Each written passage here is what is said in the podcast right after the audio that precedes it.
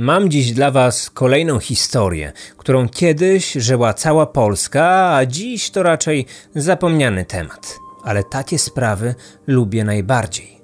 Jestem pewny, że gdyby zapytać starszych mieszkańców Kalisza i okolic o sprawy, które kiedyś odbiły się największym echem, które były najbardziej przerażające, które wzbudziły najwięcej emocji, to poza sprawą mm, kaliskiego wampira, o którym także niedługo opowiem na kanale, większość, szczególnie tych starszych mieszkańców, bez wątpienia postawiłaby właśnie na zdarzenie pod Stodołą Pleszewską. To właśnie tym tematem dzisiaj się zajmiemy. To był kiedyś naprawdę gorący temat. Gazety pisały o kulisach śledztwa. Milicja prosiła społeczeństwo o pomoc, a gdy sprawa trafiła do sądu, zainteresowanie było jeszcze większe. Kilka lat po tej sprawie na ekrany kin trafił film, który był zainspirowany tą historią. To dowód na to, jak bardzo całe zdarzenie zelektryzowało społeczeństwo. Wspominam o tym, ponieważ reżyserem tego filmu był nie kto inny jak Stanisław Bareja, i nie, nie była to komedia. Mowa tu oczywiście o filmie pod tytułem Dotknięcie nocy. Od razu zaznaczam, że film mocno odbiega od prawdziwych wydarzeń, to tylko luźna inspiracja, dodaję to tylko jako ciekawostkę. Zauważyłam na jezdni stojący samochód osobowy. Zredukowałam bieg, aby go wyminąć. W tym czasie zobaczyłam kierowcę, miał pochyloną głowę na prawe ramię. Obok siedział drugi mężczyzna z zakrwawionym czołem, jego głowa była przechylona do tyłu. To dało mi do myślenia, że musiał stać się jakiś wypadek, tym bardziej, że w samochodzie była wybita lewa szyba od strony szoferki. W środku były cztery osoby. Aby przekonać się, czy nie żyją, dotknęłam ręką policzka kierowcy. Był zimny. Mężczyzna nie dawał znaków życia. Ta kobieta, której zeznanie przed chwilą usłyszeliście, była jedną z pierwszych osób, która przypadkowo pojawiła się na miejscu przestępstwa. Do napadu doszło na drodze pomiędzy Kowalewem a Fabianowem, niedaleko Pleszewa. Ten samochód, o którym wspominała kobieta, to była taksówka. Stary Fiat stał obok tej stodoły. Miejscowi nazywali ją stodołą Pleszewską. Ten budynek wciąż istnieje. Jest w bardzo złym stanie, można powiedzieć nawet, że popada w ruinę. Ale to właśnie mury tej stodoły ponad 60 lat temu były świadkiem krwawej zbrodni.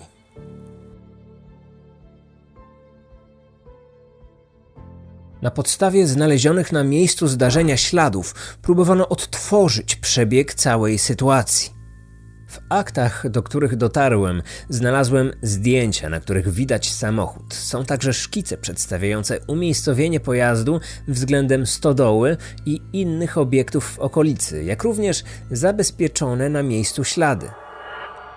W środku samochodu odnaleziono ciała czterech osób. Był to kierowca taksówki, a zarazem jej właściciel oraz trzy ciała pracowników krotoszyńskich zakładów przemysłu towarowego, w skrócie KZPT.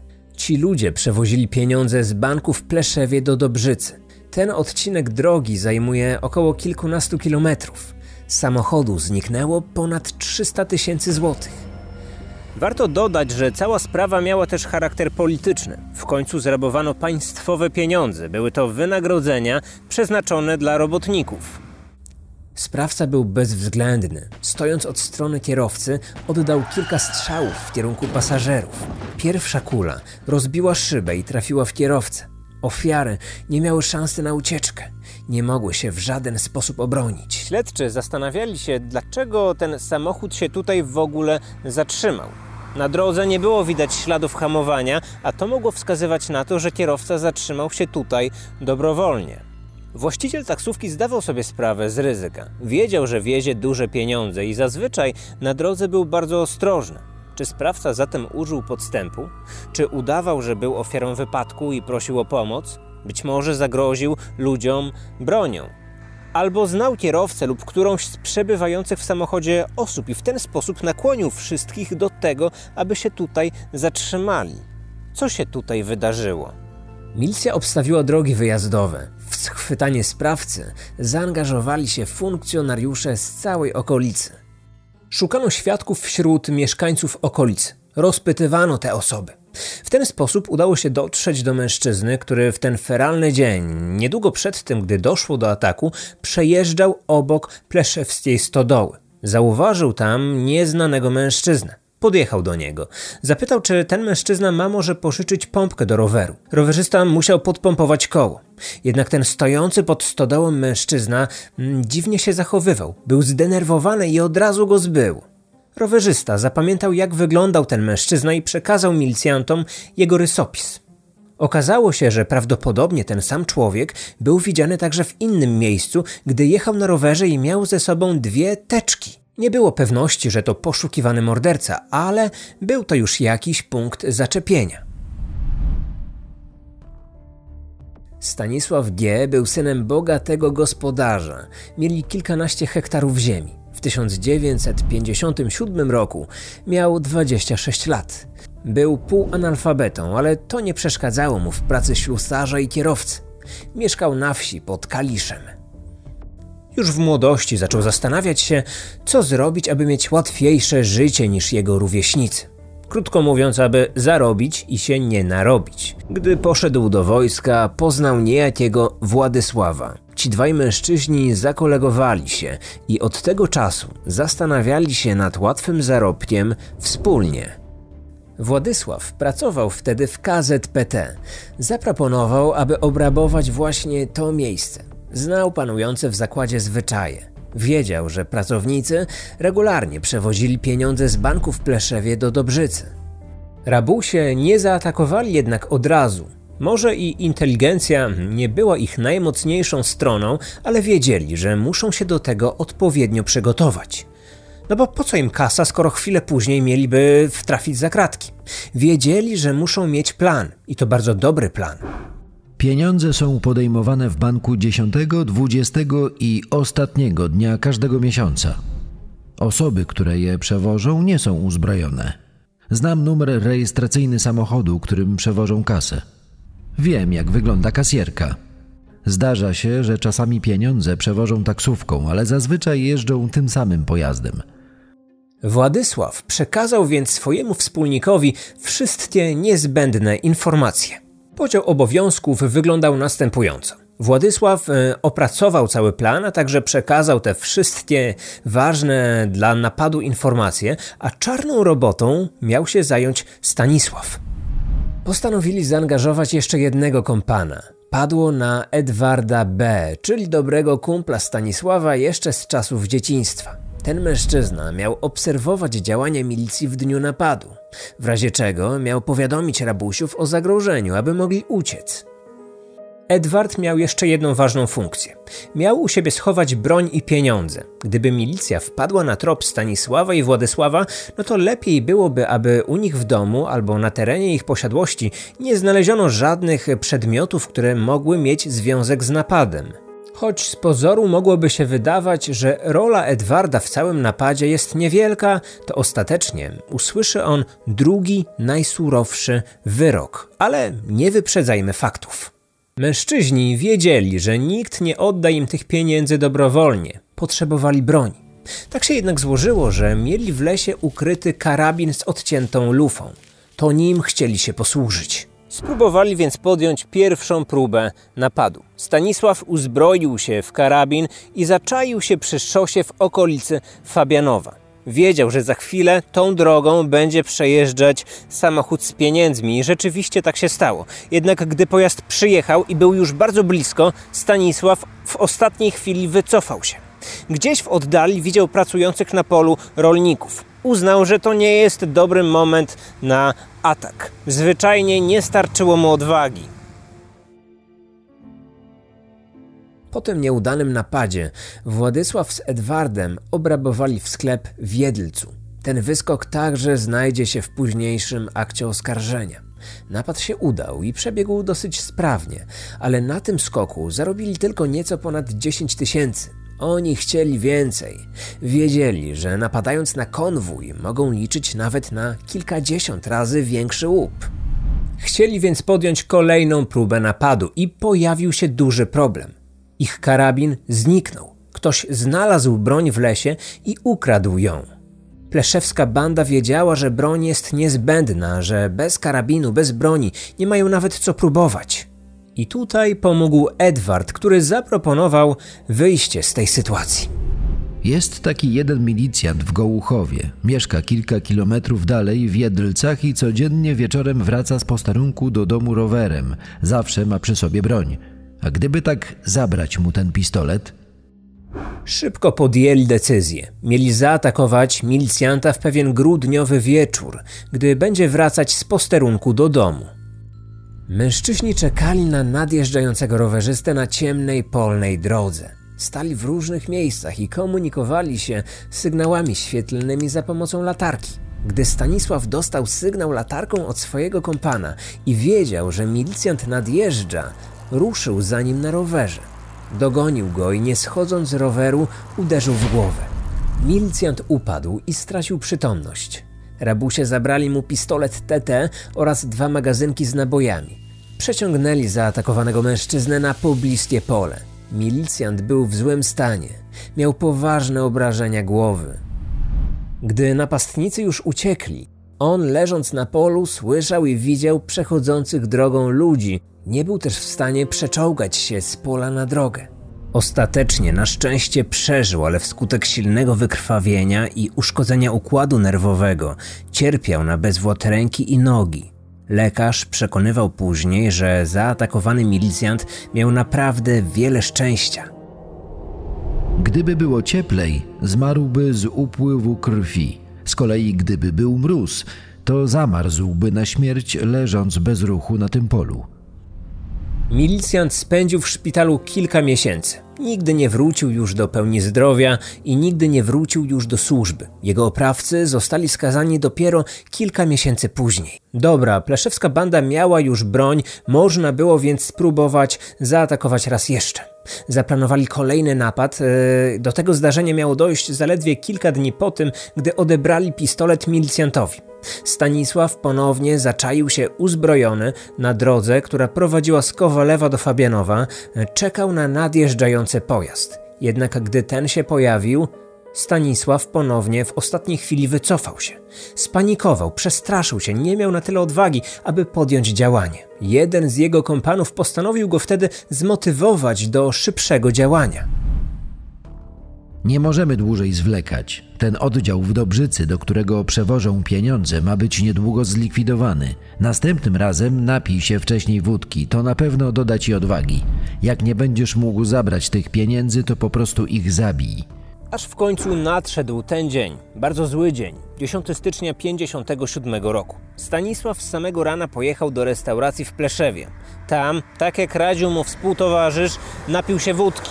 To dodało mu odwagi. Z większą pewnością siebie pojechał w kierunku Fabianowa i zatrzymał się właśnie tutaj, pod starą stodołą. Ten budynek obecnie przypomina ruinę, ale dzięki zdjęciom z akt, do których udało mi się dotrzeć, możemy zobaczyć, jak wyglądała stodoła w dniu napadu, czyli w styczniu 57 roku. W tym czasie pracownicy KZPT przygotowywali się już do wyjazdu. Do samochodu wsiadły cztery osoby: dwóch mężczyzn oraz dwie kobiety. Mieli ze sobą pieniądze przeznaczone na wypłatę dla pracowników.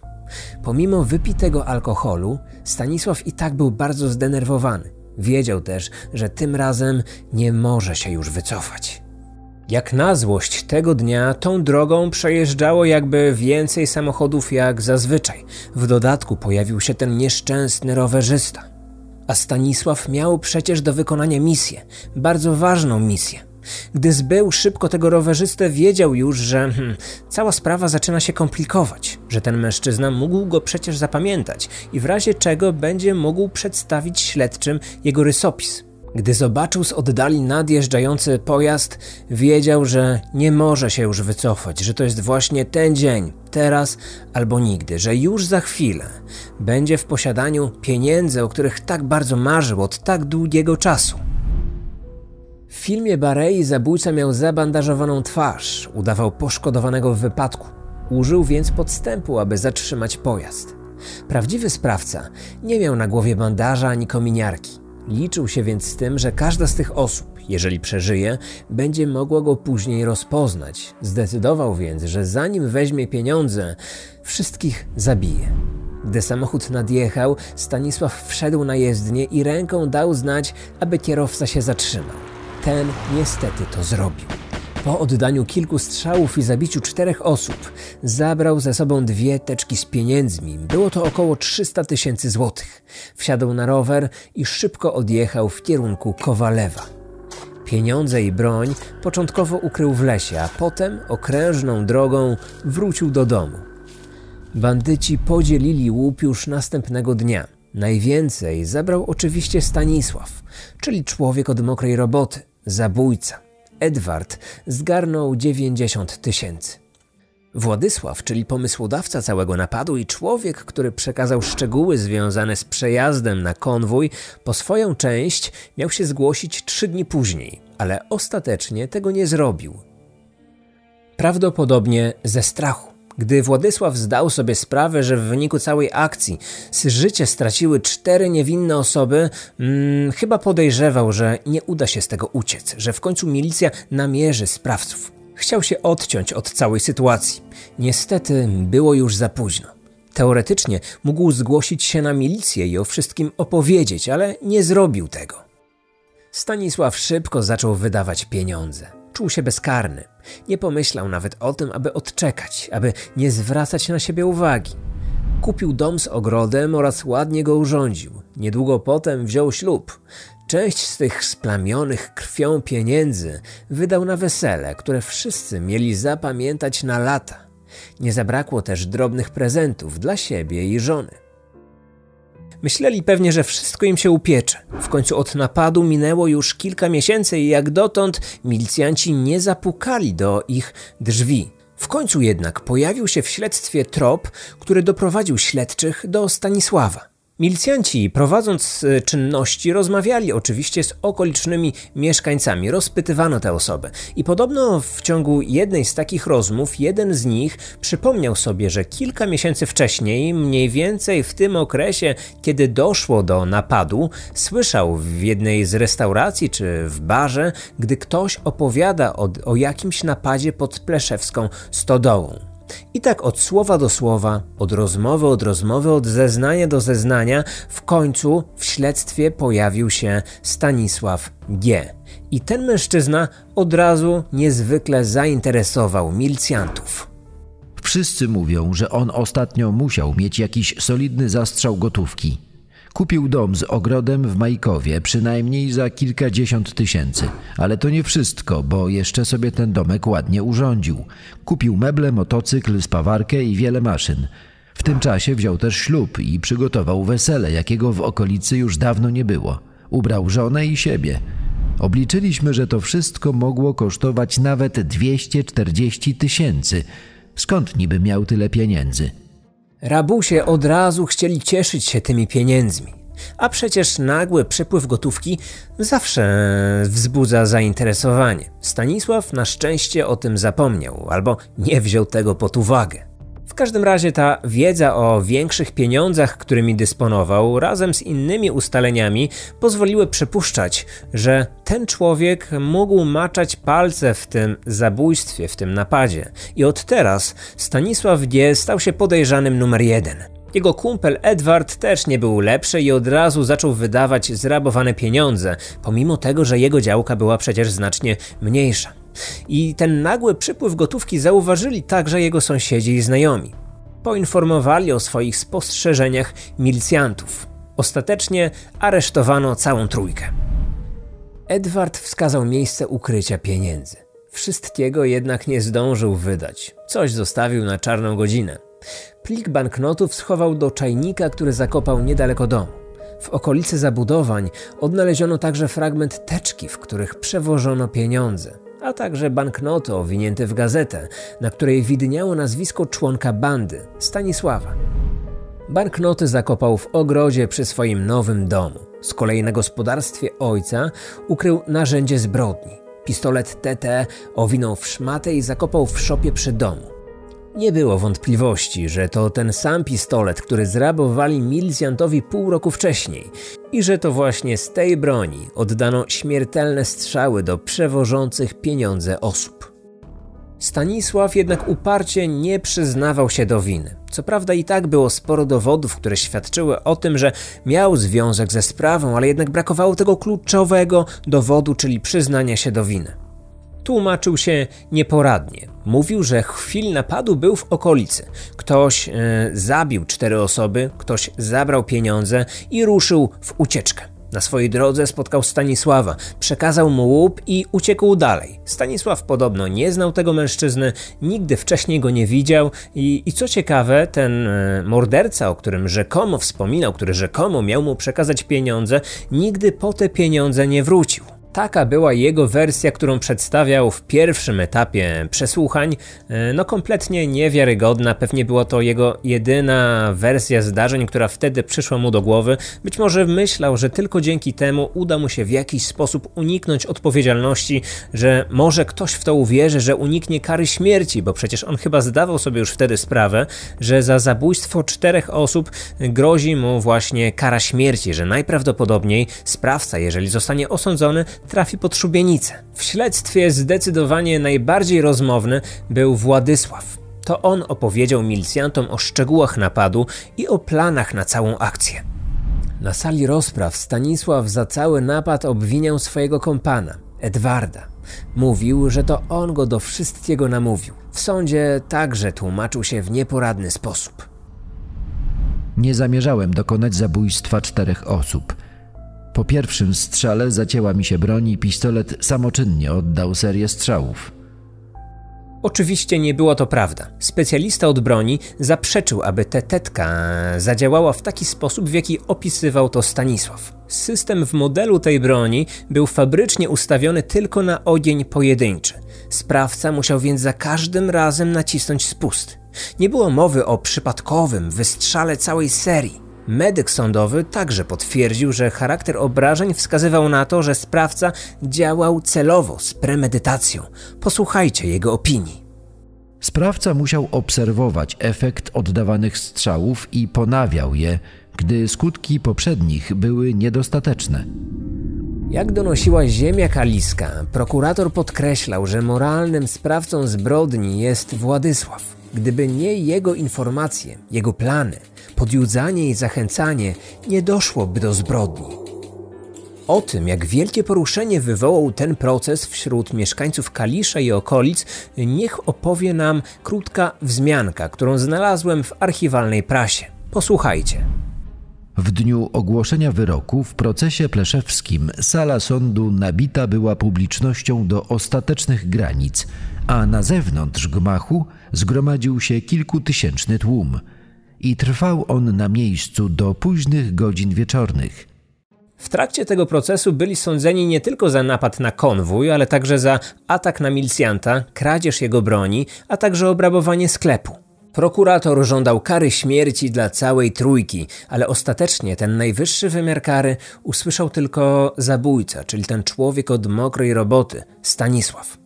Edward usłyszał wyrok dożywotniego pozbawienia wolności, z kolei Władysław e, usłyszał wyrok 15 lat więzienia, jednak w czasie procesu nazywano go moralnym sprawcą całej zbrodni.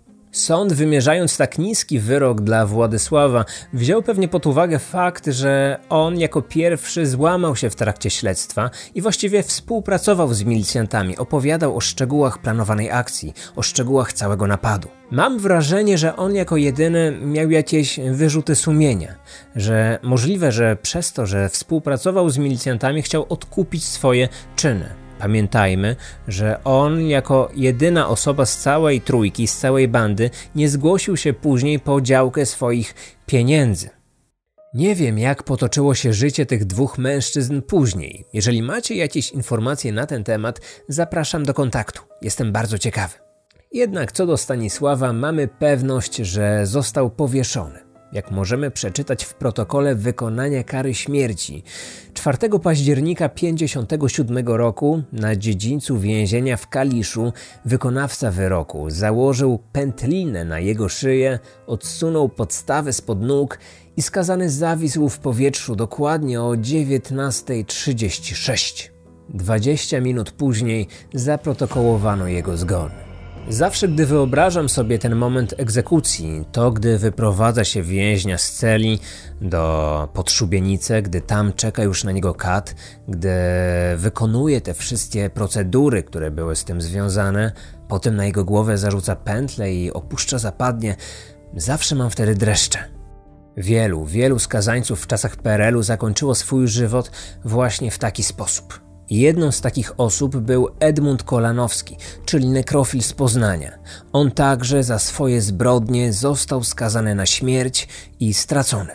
O tej sprawie opowiadamy bardzo szczegółowo w naszym audioserialu. A kim był Kolanowski? To seryjny zabójca i nekrofil. Odkopywał groby, odkrajał fragmenty ciał, zabijał.